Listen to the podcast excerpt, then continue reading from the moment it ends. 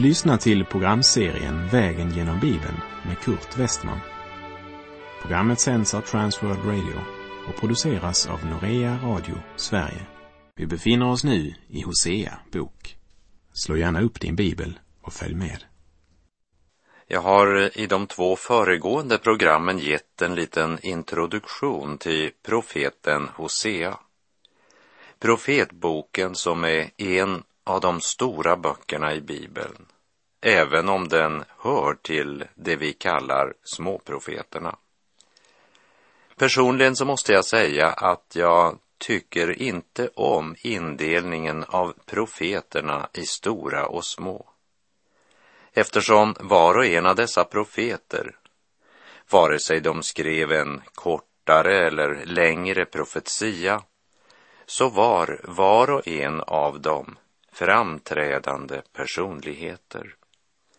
Och Hosea är en högst anmärkningsvärd profetgestalt. Du skulle aldrig kalla Elia en liten profet bara därför att han aldrig nertecknade någon profetia. Eller Johannes döparen, den siste av profeterna, som inte skrev någonting, men som ändå var Guds profet som proklamerade Messias, frälsarens ankomst. Och i den hebreiska bibeln så var profeterna inte indelade i stora och små profeter. Så den indelning vi har idag, den gjordes av kyrkan ungefär under det tredje århundradet. Kronologiskt så skulle Hosea vara placerad före Jeremia. Hosea var samtida profet med bland annat Jesaja och Mika. Och hans landsman i Nordriket, det var profeten Joel. Hosea och Joel var profeter i Nordriket, Jesaja och Mika i Sydriket. Hosea liknar på många sätt Jeremia. Jeremia var den sista profeten som stod fram innan Syderiket fördes bort i fångenskap. Och likt Jeremia i Sydriket hade Hosea i Nordriket samma uppgift, nämligen att varna nationen för de förestående svårigheter som skulle komma över landet på grund av deras avfall från Gud. Både Hosea och Jeremia var män som hade personlig erfarenhet av stor smärta, förnedring, förakt och djupa hjärtesår. Så deras budskap var mer än en teori. Jeremia kallelse, den var betydligt mera offentlig än Hoseas. Hosea fick sin förkrossande erfarenhet i hemmet medan Jeremias erfarenhet var i nationen. Jeremia älskade verkligen sitt land och sitt folk och det smärtade honom att behöva förkunna ett så hårt budskap. Men Gud valde en ömhjärtad man till den uppgiften. Hosea var väl inte så vek och ömhjärtad som Jeremia. Men han trädde fram ur ett upplöst hem där hans hustru var otrogen och levde som hora, det vill säga prostituerad. Hosea älskade henne så mycket att han ändå gick för att hämta henne hem till hemmet igen. Och än en gång trampade hon på hans kärlek, bedrog och återgick till sitt lösaktiga liv. Och det är med den erfarenheten bakom sig Hosea träder fram och förkunnar Guds budskap för folket. Med djupa hjärtesår och tårblanka ögon ropade han till sin nation. Jag vill tala om för er vilken smärta Gud har på grund av ert svek och hur högt han älskar er. Jag vet vad Gud känner, för jag känner det på samma sätt. Smärta, det är inte något jag har läst om på biblioteket. Det är något jag själv erfarit i mitt liv.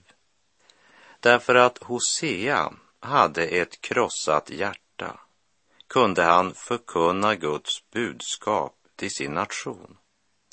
I det första kapitlet av Hosea bok möter vi det personliga när det gäller Hosea. Berättelsen om en profet och hans otrogna hustru Gomer. Det handlar om ett krossat hem och om allt skvaller som florerar i staden och som strör salt i redan svidande sår. Så när Hosea talar om den svikna kärlekens smärtfulla tårar så är det inte några teorier han serverar.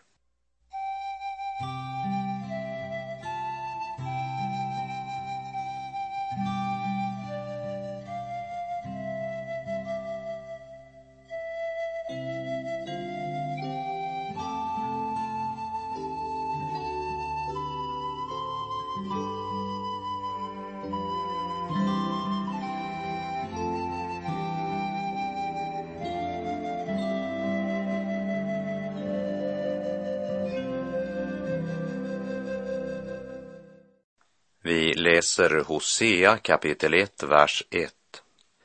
Herrens ord som kom till Hosea, Beris son, när Ussia, Jotam, Ahas och Hiskia var kungar i Juda och Jerobeam, Joas son, var kung i Israel. Det handlar alltså om en rätt lång tidsperiod som omfattar tiden för fyra olika kungar i Juda. Vi ska lägga märke till att trots att det var hela sju kungar i Israel under den tid Hosea verkade som profet, så är det endast Jerobeam som omnämns här. Och om Jerobeam säger Andra Kungabok 14, vers 24. Han gjorde vad ont var i Herrens ögon. Israel kunde inte haft en sämre kung än Joas son Jerobeam. Och Hosea kapitel 1, vers 1 fokuserar alltså speciellt på Jerobeam när det gäller Nordriket Israel under profeten Hosea verksamhetstid. Det andra vi ska lägga märke till det är att det var Herrens ord som kom till Hosea. Initiativet var alltså Guds. Och det Hosea förmedlar, det är inte människotankar och människomeningar, utan Herrens eget ord. Vi läser vers 2. Detta är början av Herrens ord genom Hosea. Herren sade till honom, Gå och skaffa dig en sköka till hustru och skaffa dig barn till en sköka. Ty landet har bedrivit hor genom att överge Herren. Det är ganska chockerande. Det Herren här beordrar sin tjänare att göra. Och det är många bibeltolkare som menar att vi inte får förstå den här texten rent bokstavligt.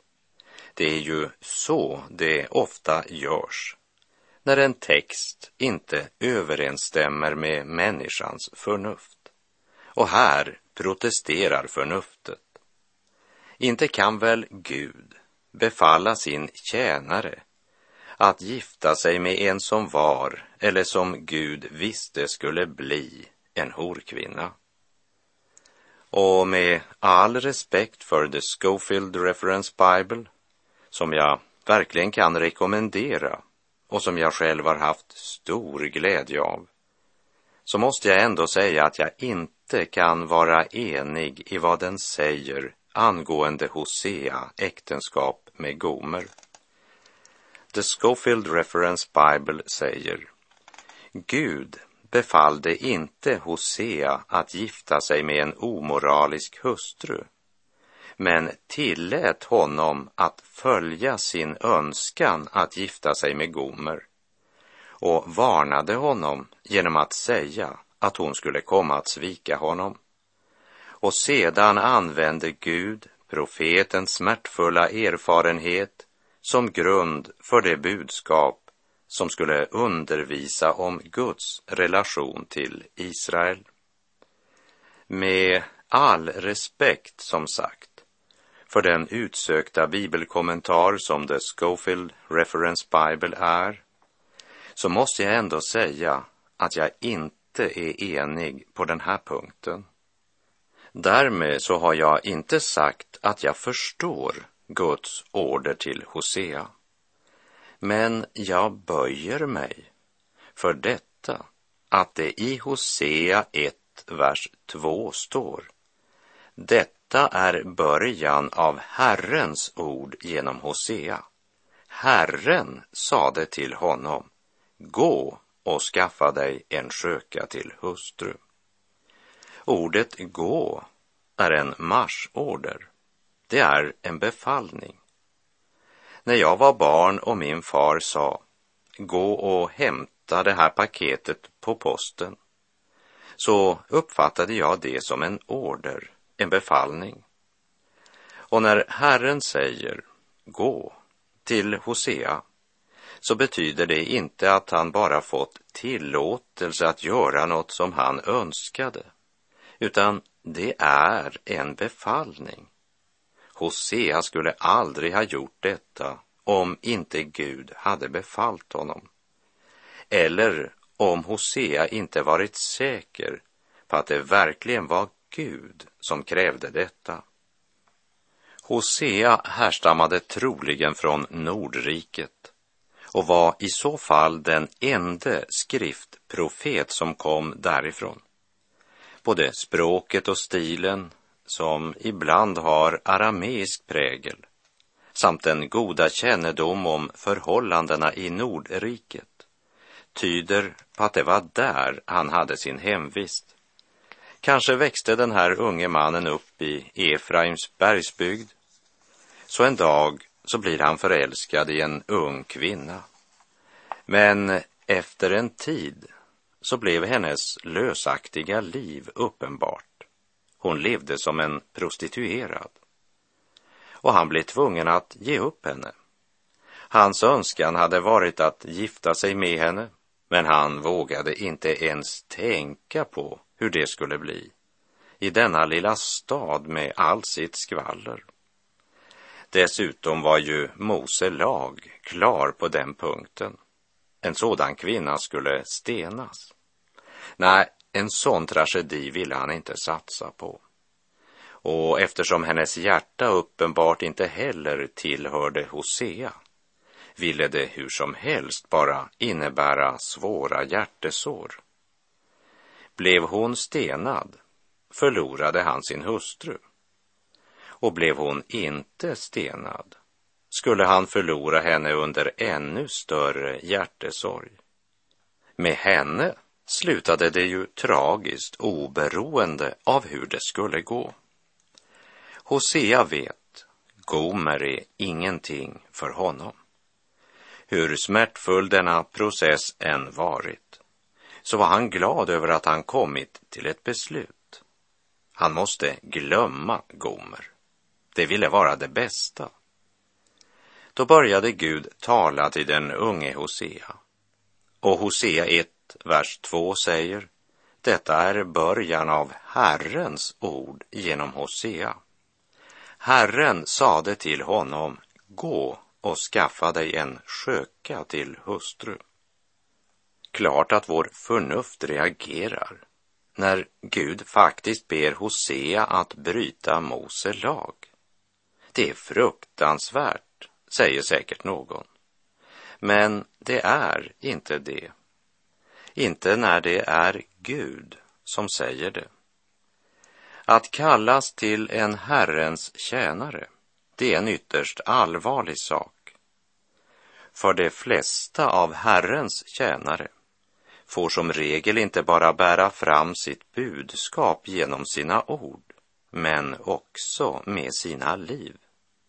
Ibland är denna smärta hos ens Herrens tjänare uppenbar för andra. Ibland är den dold, men den är där. Så sant kallelsen verkligen kommit från Gud. Det finns ju många som arbetar under namnet Herrens tjänare, men som Gud inte kallat. De har bara kommit. Och motiven för att de kom kan vara av högst varierande art. Men sådana tjänare som inte har den inre kallelsen från Gud, de vill fort resa från en gomer. För de har ingen kallelse att lida. De är bara publikfriare och är med så länge som de själva på ett eller annat sätt kan tjäna på det. Det var annorlunda med Hosea. Han var kallad av Gud, så han kunde inte svika Herren när det blev för jobbigt. I Lukas 9.23 står det om Jesus. Sedan sade han till alla, om någon vill följa mig ska han förneka sig själv och varje dag ta sitt kors och följa mig. Är det honom som säger det som du är kallad att följa? Vilken konsekvens får det för mitt liv och min vardag? Låt oss meditera över det en liten stund.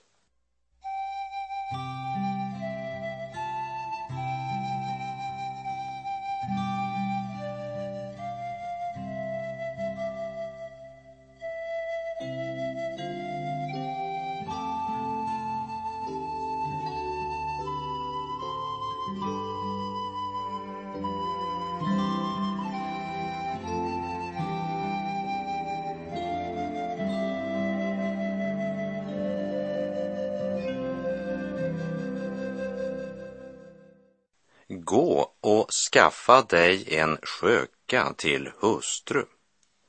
Gud ger sin tjänare en närmast otrolig order.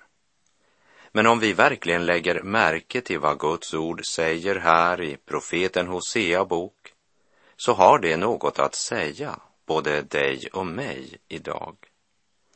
Gå och skaffa dig en sköka till hustru och skaffa dig barn till en sköka. Ty landet har bedrivit hor genom att överge Herren. Gud kallar inte sina tjänare in i svårigheter därför att han önskar att vi ska ha det svårt. Hans vassa vingårdskniv beskär inte grenen för att den ska ge upp, utan för att den ska bära mer frukt. Gud leker inte kurragömma med sina barn. Men vi kan inte själva välja hur vi ska tjäna Gud. Och den Herre som kallar Hosea att med sitt liv och sitt ord proklamera Guds budskap, han ska också utrusta sin tjänare med den nödvändiga kraften Lägg märke till vad Gud säger. Landet har bedrivit hor genom att överge Herren. Och jag är rädd att mycket av det vi idag sysslar med i våra församlingar och verksamheter beskrivs bäst med orden andlig prostitution. Gud svävar inte på målet. Han talar i klartext. Det handlar om andligt horeri. När hörde du de orden ropas ut från en talarstol sist? Låt oss nu följa Hosea väg vidare. Vi läser Hosea kapitel 1, verserna 3 till och med 5. Då gick han bort och tog Gomer, Diblaims dotter, till hustru och hon blev havande och födde en son åt honom. Herren sade till honom, ge honom namnet Israel, Ty när ännu en liten tid har gått skall jag straffa Israels blodskulder på Jehus hus och göra slut på kungadömet i Israel. Och det skall ske på den dagen att jag skall bryta sönder Israels båge i Israels dal. Inte bara äktenskapet, men även barnen ska utgöra en andlig undervisning för nationen Israel. Namnet Israel betyder Gud sår. Israel var Guds plantering, men det som Gud hade sått fick ingen näring att växa och nu hade ogräset tagit överhand. Gud måste ingripa och det kommer han att göra. Israel var även namnet på Nordriket Israels huvudstad samt på en stor slätt, Harmageddonslätten som även kallas Israelslätten. Hosea får besked att ge sin första son det namnet. Israelslätten har en lång och blodig historia. Och nu säger Gud att han ska göra slut på kungadömet i Israel. Vi läser vers 6. Gomer blev återhavande och födde en dotter. Då sade han till honom, ge denna namnet Lo Ruhama, ty jag vill inte mer förbarma mig över Israels hus, utan jag skall förkasta dem. Lo Ruhama betyder hon som inte finner förbarmande. Genom dotterns namn så förkunnar Gud att Israel inte längre ska finna medlidande och barmhärtighet hos Gud.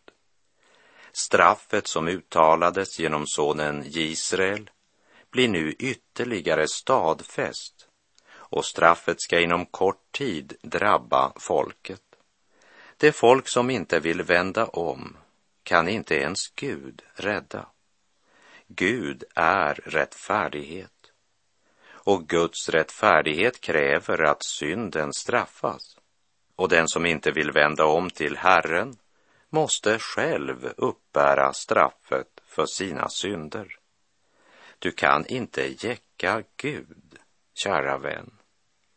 Det gjorde nationen Israel. Och dagen kom då Gud sa, jag vill inte mer förbarma mig över Israels hus. Vi läser vers 7. Men över Juda hus skall jag förbarma mig och jag skall frälsa dem genom Herren, deras Gud. Jag ska inte längre frälsa dem genom båge och svärd eller krig och inte genom hästar och ryttare. Gud var ännu inte redo att döma Juda. Och idag vet vi av historien att Juda rike blev sparade i ytterligare ytterligare 120 år efter att Nordriket Israel bortfördes i fångenskap. Och Guds ord vittnar för oss och säger att orsaken till att Israel blev krossade av den assyriska krigsmakten, men inte Juda, det berodde inte på smart strategi, tillfälligheter eller någon mänsklig styrka, utan så skedde därför att Herren förbarmade sig över dem. Därmed har vi kommit till den sista av skökans barn som omtalas i vers 8 och 9. Sedan Gomer hade avvant Lo Ruhama blev hon återhavande och födde en son. Då sade han, ge denne namnet Lo Ami, ty ni är inte mitt folk, och jag är inte jag är för er. I Andra Mosebok kapitel 3, vers 13 och 14 står det. Då sade Mose till Gud, när jag nu kommer till Israels barn och säger till dem, era fäders Gud har sänt mig till er, och de frågar mig, vad är hans namn? Vad ska jag då svara dem? Gud sade till Mose, jag är den jag är. Och han sade vidare, så ska du säga till Israels barn, jag är, har sänt mig till er. Gud presenterar sig och säger jag är. Det finns ingen annan som kan presentera sig på det sättet. Det finns ingen annan som kan säga jag är. Ja, det vill säga, vi kan nog säga orden, men det är inte det jag tänker på. För även jag kan ju med mina läppar säga jag är. Och så länge som det behagar Gud att upprätthålla mitt liv så kan jag säga det. Men om Gud kapar min livstråd denna natt, då kan inte jag imorgon säga jag är. Men det kan Gud. Han är, oberoende av allt och alla i himmel och på jord. Han har alltid varit och han kommer alltid att vara från evighet till evighet. Gud är och han är den allestädes närvarande. Han är Israels Gud. Han är den som givit dem barnaskapet och härligheten, förbunden och lagen, tempelgudstjänsten och löftena. Jag är. Så presenterar sig Israels Gud. Men Israels andliga prostitution, det vill säga deras avfall från Gud, har gjort att Gud nu säger att det tredje barnet ska heta Lo-Ammi. Gud säger, ge denne namnet Lo-Ammi, ty ni är inte mitt folk och jag är inte jag är för er. De hade länge jäckat Gud, men nu närmar sig stunden då de ska skörda vad de har sått. Gud vill inte längre förbarma sig över det folk som bedrivit hor genom att överge Herren. Men när det är som mörkast kommer detta överraskande uttalande, verserna 10 och 11. Men antalet av Israels barn ska bli som havets sand som man inte kan mäta, ej heller räkna. Och det ska ske att istället för att det sades till dem, ni är inte mitt folk, ska det kallas den levande Gudens barn. Och Judas barn och Israels barn ska samla sig tillhopa och det skall sätta över sig ett gemensamt huvud och skall dra upp ur landet, ty stor skall Israels dag vara. Den levande Gudens barn talar om Gud som den levande Gud i motsats till alla andra gudar som är döda. Och de två sista verserna uppenbarar för oss att domen var inte en dom till tillintetgörelse, utan en dom till rening. När folket ödmjukade sig, besegrade av Guds kärlek, ska Herren göra något nytt i deras liv. Vi märker denna vind ifrån evighetens värld när vi läser orden. Det kallas den levande Gudens barn, halleluja.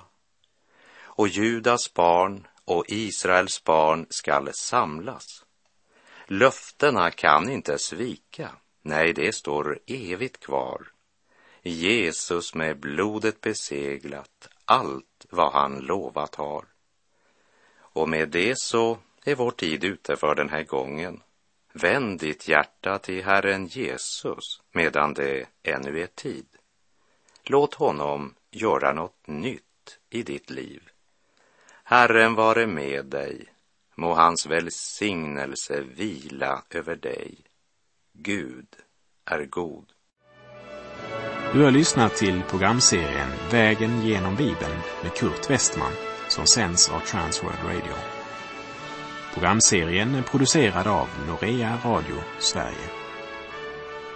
Om du önskar mer information om vårt radiomissionsarbete så skriv till Norea Radio Sverige, box 3419 103 68 Stockholm.